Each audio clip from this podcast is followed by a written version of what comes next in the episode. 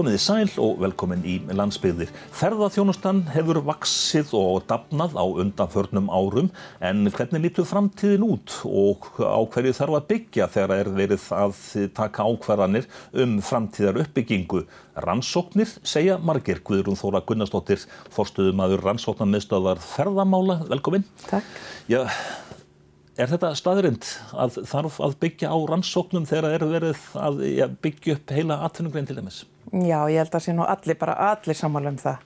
Við þurfum þekkingu, við þurfum vittneski um það hvað við ætlum að gera, hvað við erum að gera, hvað við erum að vinna með og það er ekkit öðruvísi með ferðarþjónustu heldur bara hvaða aðra atvinnugrein að það þarf að rannsaka og afla vittnesku, það segir sér bara sjálft. Mm.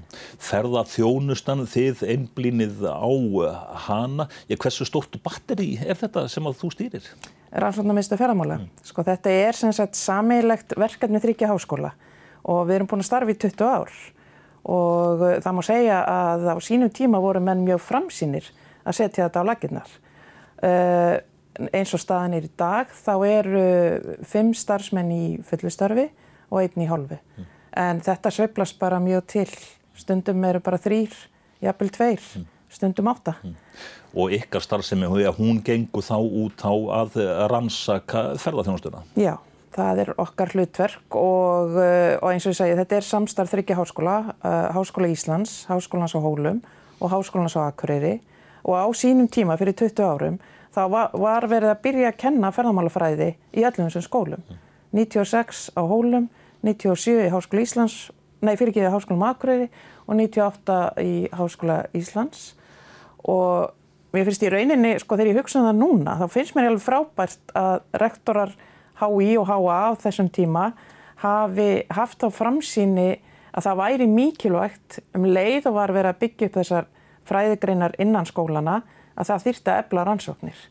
Því miður hefur bara orðið þannig að rannsóknir í ferðamálum hafa ekki hloti mikið brautargengi þegar kemur að fjárvitingu.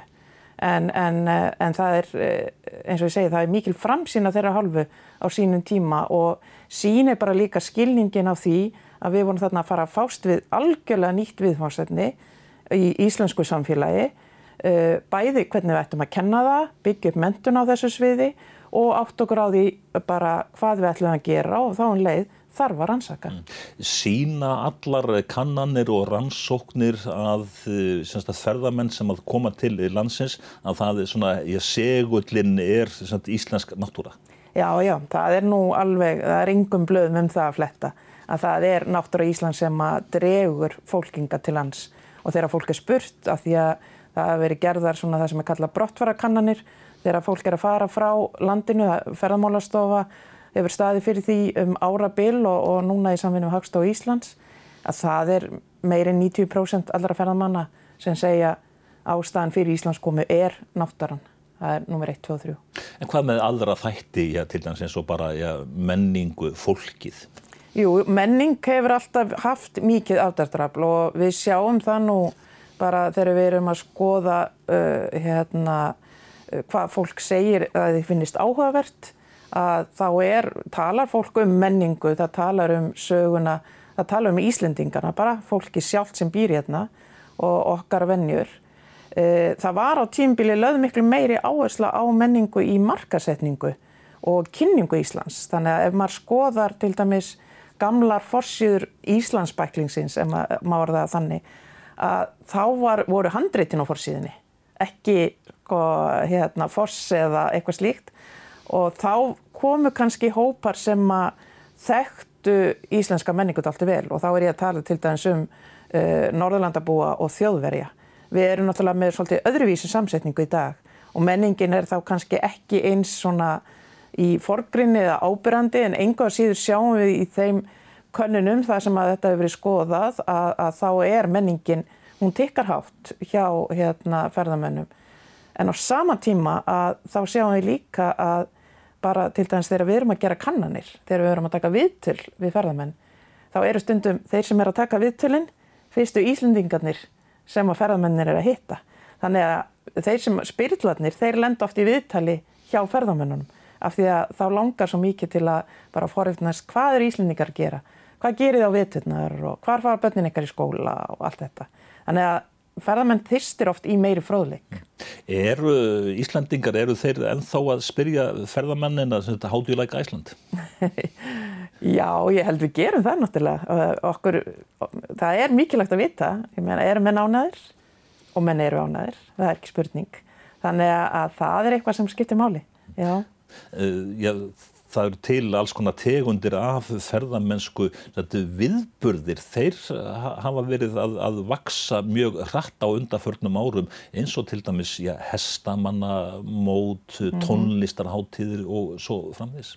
Já, já, viðburðaferðamennska er mjög vaksandi grein bara um allan heim og undir því er einmitt tónlistarháttíðir, það geta verið alls konar leiklistarháttíðir, bókmyndarháttíðir, bara menning almennt og svo íþrótatengdir viðbyrði sem landsmótin eru þetta partur af og, eh, og svo viðbyrðir eins og raðstafnihald, það er líka mjög vaksandi og, og hlutverk svona húsa eins og hörpu eru þetta ótjórætt í því að búa til, getum við sagt, eftirsótt og, og svona aðlaðandi eh, áfangastað fyrir viðbyrðafæramennsku. Þannig að eh, það er eitthvað sem er mjög spennandi en þetta er svið sem við höfum ekki rannsaka mikið miður mm. og þurfum að gera miklu meira. Hvar er standa ykkar rannsóknir eh, ef þú berð þær saman við önnur lönd sem hafa stunda rannsóknir mjög lengi? Er rannsóknir hérna bara nánast að slíta barskónum? Sko það er kannski, það eru auðvitað fræðmenn í háskólanum eins og ég sagði, það eru 20 ár síðan að, að ferðamálafræði var farið að kenna það í Háskóla Íslands og Háskólanum Hólum og reyndar þá háskó í Háskólanum Akureyri en þar er ekki ferðamálafræði lengur. En bæði á Hólum og í Háskóla Íslands hafa uh, fræðminni þar auðvitað sint sínum rannsóknum og, og það eru margar mjög merkar rannsóknir sem að þaðan hafa komið sem eru auðvitað á pari við bara það sem gerist uh, ellendis en það sem að háir okkur bara almennt er að það hefur ekki verið mikil skilningur á því að við þurfum að ebla rannsóknir. Og það sést til dæmis bara á því að, að eh, við höfum ekki útskrifa til dæmis eh, fólk með doktorskráðu í ferðamálum. Og ef við bara skoðum aðrar greinar eins og bara líffræði, eh, félagsfræði, sagfræði, bara, bara í rauninni hvað sem er að þar er Háskóli Íslands að, að útskrefa brautskrá doktorsnema þess, þessum fræðasviðum. Og það er vegna þess að það bara skortir fjármagn. Því það er þarf styrki, það þarf rannsóknar fér til að byggja upp doktorsnám á þessu sviði. Og þetta er alvarlegt vegna þess að í gegnum doktorsnám þá verður nýsköpun í þekkingu. Og líka það verður sko nýliðun í fræðumunum og, og það, við sjáum bara þegar við hérna, skoðum þann hóp sem að er að stundaransóknir í Íslandi að þá er hann ekkert breyst íkja mikið síðustu bara 10-15 árin vegna þess að við bara erum ekki að ná að fá ný, nýja aðila inn vegna þess að við erum ekki með nægilegt fjármagn. Er þetta þá kannski svolítið svona bara, svona bara þetta rettast alferðin? Ég sko, ferðarþjónusta hefur auðvitað byggst upp mjög hratt á Íslandi og, eh, og það sem gerðist eftir hrun og, og þegar eldgósið var og, og þessi mikla aðtikli á Íslandi og það er ekki bara það á sama tíma verður þessi sprengja í samfélagsmiðlum og það er auðvelt einhvern veginn að miðla efni frá Íslandi og Ísland komst í rosalega tísku og þá auðvitað varð sprengi ekki uppbyggingu en, en uh, það hefur hafa ímiskrefir stíin á síðustu fimm árum og og ég held í rauninni Marta sem að stjórnstöðu ferðamála kom á laginnar, hún var sett á laginnar 2015 og það, það hafa svona ímis jákvæð skrefir í stíin til þess ymmit að ná utanum þetta, þetta reddast. Þannig að þetta sé gert á meginn markvísari hátt. Og, og það er eins og segja mjög margt jákvæð þar. En ennþá eru rannsóknunar samt uh, svona olba og bad getur við sagt það er mun meiri skilingur á því að, að holfiðins ofinbera að það þurfi áræðileg gögn. Og, og það er verið að sapna gögnum um ýmsa uh, þætti sem að skipta máli varandi ákvránatöku en við þurfum meira en gögn, við þurfum rannsóknir og rannsóknir eru sko mjög skapandi hlutur í eðli sínu. Vegna þess að við vitum ekki alltaf hvað við ætlum að rannsaka. við getum ekki sagt hvað er nöðsilegt, þetta gerist í ferlinu og ferlið er svo mikilvægt, þar er þekkingarsköpunin og, og við þurfum á því að halda, vegna þess að við erum að fást við eins og ég sagði á þann, atvinningrein uh, veruleika sem að bara er allt annar heldur en allt annað sem við hefum gert hinga til. Við vorum eins og í landbúnaða þjóð, svo vorum við sjárótistjóð, nú erum við áfangastæður ferðamanna, nummer 1, 2 og 3. Þetta er, er okkar stærsta atvinningrein. Mm, og erum svo bara nánast ekkit að rannsaka?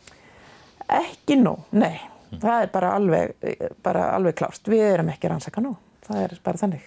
Hvað segja því að þá svona fræðin almennt um sagt, eh, ef að staðan er svona eh, skapast þá ekki svona, blikka ekki minnst ákveðst eða guð ljós einhver staðar?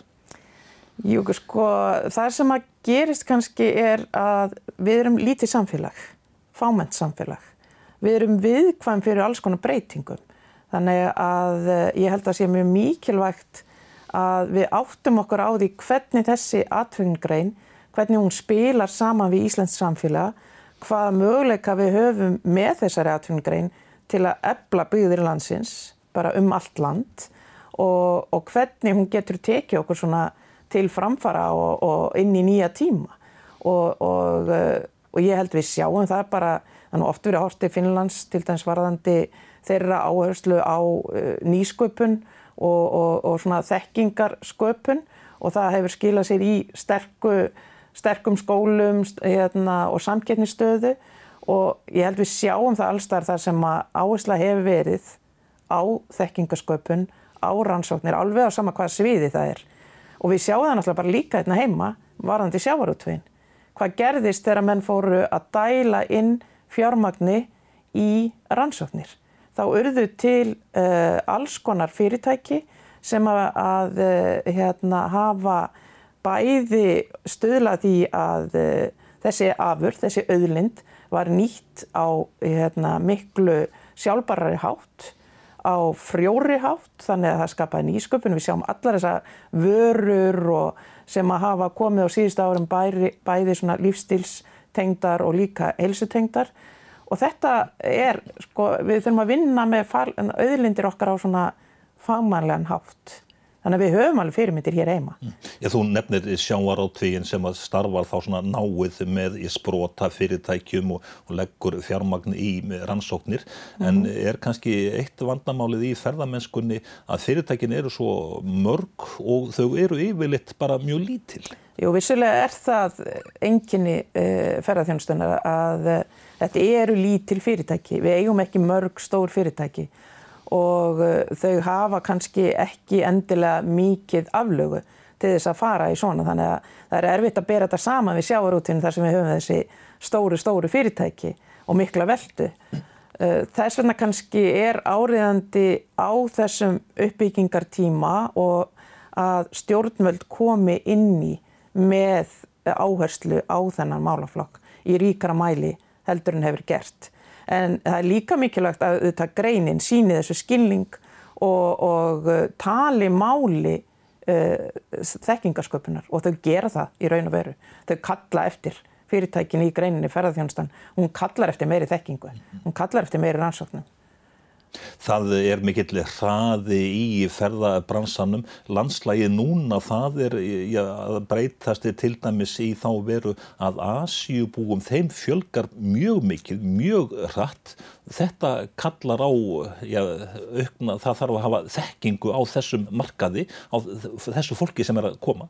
Já, já ég menna það er, það er margt að breytast og við lifum á svona spennandi tímum og, og ferðarþjónustan breytist oft mjög hratt og eitt af því sem að einmitt getur breyst mjög hrætt er það bara samsetning þess fólks sem kemur hinga til lands. Og ég nefndi á þann að hérna fyrir kannski 30 árum þá var þessi áherslu á menningudáltið vegna þess að það voru þjóðverðar að koma.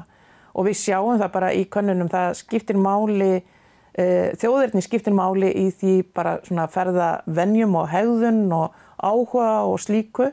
Þannig að það segir sér sjálft að þeirra kemur svona nýr, stór markaður eins og Asíumarkaðurinn sem að margir horfa náttúrulega mjög til vegna stærðar að eh, það er, eh, það er ekki endilega sömu hlutir sem að vekja upp áhuga sem að, að hérna, þjóna þessum einstaklingum á þann átt sem þeir vilja. Mm. Þannig að ég held að það sé mjög brínt að við reynum að átt og gráði hvernig við getum sem best tekið þá á móti þessum einstaklingum og eins uh, þurfum við þegar við ákveðum að fara inn á nýja markaði átt og gráði hvað það þýðir og velta fyrir okkur, akkur viljum við fara í þessa markasókn? Er þetta svo tegund ferðamennsku sem að mun koma sér sem best fyrir Íslands samfélag, mun styrkja byggðir um allt land, ebla eh, þetta markmiðum að hafa ferðarþjónustu út um allt land yfir allt árið. Þannig að þessum spurningum hefum við ekkert alveg gett að svarað sko. Við Íslandingar, við erum svona, ég fisk við þjóð, við viljum fá mikinn afla, höfum yfirlega talað þannig. Er ferðarþjónustan svolítið þannig að við, við bara teljum alltaf ferðarmennina sem að koma inn til landsins en tölustundum minna um það hvað er skila miklu. Er hægt að stjórna því hvers konar ferðarmenn koma til landsins? Eh, við náttúrulega kannski handveljum ekki, það gerum ekki. En það er held ég alveg augljóst bara með áherslum uh, í markasetningu, framsetningu, vöruframbóði að þá munum við höfða mismikið til uh, mismunandi markaða. Og, og það hefur alveg verið sínt fram að það víða Erlendis að, að þú getur ákveðið svolítið svona hvernig, hvernig þú vilt haga málánum sko. En, uh, en það er kannski bara líka brínt að, að við áttum okkur á því hvernig sko svo ferðarþjónusta sem við erum að byggja upp, hvort sem það er svona náttúruferðarmennska eða, eða uh, fókus á afþreyingu eða heilsu eða hvað eina, hvað sem það er, að hvernig svo uh, grein stýður við það samfélag sem hún er í. Vegna þess að við hljótum að vera að byggja upp atvinningreinar til þess að ebla byggðir og mannlíf um allt land. Þa, það lítur að vera eitt af markmiðanum. Mm. En uh, atvinnlífið sjálft, er það að hugsa mikið um þetta? Er það ekki bara semst, að fá nógu mikið í kassan? Nei, ég myndi nú segja að það sé mikil uh, umræða meðal fyrirtækja um að það skipti máli uh, svona ábyrg ferðarþjónsta og það er uh, mikið starf í gangi, svona glasasamstarf og, og það er mörg fyrirtæki virkilega að gera góða hluti og, og hafa kannski verið jafnvel í farabróti með það að auka famunsku, þjálfa sína starfsmenn. En, en þetta eru þetta stór atvinnugrein og, og það eru svartið söður í henni eins og í öðrum atvinnugreinum. En ég held að fyrirtækinn hafi mörg verið verið að leggja sig fram og vilji gera vel. En við höfum reynir bara vannrægt allt mikið að rannsaka fyrirtækinn mm. og það er eitthvað sem ég held að við þurfum að gera mun betur. En hvað segir sjálfur landin, sagt, er hann alltaf hrifin að því að, að fá sem flesta ferðamenn? Já, við hefum verið hérna á rannsókna minnstu ferðamála að vera að gera kannan núna undanferðin ár meðal Íslendinga, uh, bæði sem sagt svona spurningakannanir á landsvísu, svo hefum við líka verið að fara bara inn í einstök samfjölög þar sem við hefum verið að taka viðtöl og farið svona dýpra í málinn og líka gert á kannanir í einstaka uh, byggðarlögum og það er rauninni mjög merkilegt með að við til dæmis umræðan oft í fjölmiðlum hvað Íslendingar eru í rauninni jákvæðir út í ferðamenn. Og, og þeir eh, neikvæðu þættinni sem koma vissulega fram þeir snúa meira að skipulagningu greinarinnar að uh, þætti hins ofnbera bæði sveitarfélaga og, og uh, hérna, uh, stjórnvalda sem sagt hverju sinni og eins líka kannski að hluta til stundum að greininni sjálfri en það hvernig sé staði á hlutunum. En það virðist vera mjög ríkt í Íslendingum þessi gesturisni og það er eitthvað sem ég held líka að væri mjög gaman að skoða enn frekar. Virðist, sko, það kemur mjög stert fram í þessum viðtölu til dæmis að fólk hefur áhyggjur af ferðamennunum, bara hvernig þeim reyðir af, hvort þeir séu nægilega upplýstir, hvort við séum að eh, hérna, veita þeim nógu góða þjónustu þannig að fólk vil bjóða heim og gera það vel. Mm. Þa, það er svona rauðið þráðinu í þessum könnunum. Sko. Mm. Ferðarþjónustan, ég, hún svona, ég selur þó nokkuð mikið út á náttúruna. Finnst þér að ferðarþjónustan umgangast náttúruna hvað þetta varðar af nógu mikill í varkarni? Ég myndi segja að heilt yfir já að fyrirtækinn sé meðvitt um þessa auðlind sem náttúrun er og átti sig á því að það skiptir máli með hvaða hætti uh, hún sé nýtt. Og sérstaklega finnst mér þetta að hafa verið hérna, meira í umræðinu á undarförnum árum. Og það sem er nefnilega spennandi og skemmtilegt með ferðarþjónustuna er að margir sem eru í fyrirtækjarekstri gera það af mikilli svona miklum og áhuga á því sem þeir brenna fyrir viðfangsefninu, jáfnvel meira enn í öðrum atvinningreinum. Oft er þetta lífstíl, oft tengist þetta þínu áhugamáli eins og bara hesta ferðam, tengt ferðamennska eða uh, skýða eða uh, gönguferðir eða, og maður sér þetta mjög mikið í afturrengar greinunum að fólk er að gera áhugamálið að atvinnu og það er fagmenn, það, er, það veit hvað það er að gera, það hérna, er fagmenn í því sem það er að gera og það vil gera það vel. Hvað segja rannsóknir um svona, framtíðina norður slóðir? Þær eru mjög í kastljósinu núna á margan hátt. Ferðamannum fjölgar eh, á Garnalandi, Svalbarði er dottin inn. Sýnist er að, að norður slóðir þær verði vinsælar á næstu árum? Já, þær eru vinsælar og það er ein ástand fyrir þessari sprengju hérna á Íslandi. Það er ekki bara Eyjafjallajökull og, og og góðar samgöngur. Það er þessi, þetta norður sem að Ísland er uh, svona hluti af og uh, við erum aðgengileg. Uh, það er gott að koma, samgöngur eru góðar til Íslands. Það eru erfiðari til Grænlands, það eru erfiðari til hérna, Svalbara líka. Þannig að það hefur hérna, skapað þessa miklu sprengju og, og sérstaklega í vetrar ferðamennskunni vegna þess að norðurljósin eru partur af þessu norðri og, og kuldinn og, og, og svona þessi, þetta eyði þar segja fámennar byggðir og svo framvegs. Þannig að það er einmitt, já, það er mikil degla varðandi svona þennan áhuga á norðurslóðum og uh, við sjáum að það er uh, samfélag eins og bara í Granlandi og Færium og einmitt í norður, Nóri, Svíþjóf, Finnlandi að eh, það er, það er mjög mikið að gerast á þessum svæðum sko. En ég stundum er talað um að, að ferðamenn þeir séu svolítið ágengir og þá rýður náttúrulega á sjálfsagt að já, passa upp á vendar svæði. Já, uh, það er auðvitað sko, ferða, ferðarþjónusta er svo sérstök, hún snýr allar samskiptum og, og enn er það þannig að þó við höfum þessa tækni við gætum ferðast í ímsan landa bara með svona einhver gleiru og hausnum sko að þá er það þetta að þú vilt fara á áfangastæðin og, og þú vilt upplifa sjálfur og finna vindinn og, og, kuldan og hitta fólkið. Þannig að e, ferðamenn, þeir snert allt mannlífið og þeir koma nálagt okkur og það er áskorun í öllu þessu og þessi miklu samskipti þau hafa áhrif bæði jákvæð og það er eitt af því sem að til dæmis kemur í, í könnunum okkar meðal Íslendinga er að hvað menn eru ánæður vegna þess að þetta gerir samfélagin svo lífleg.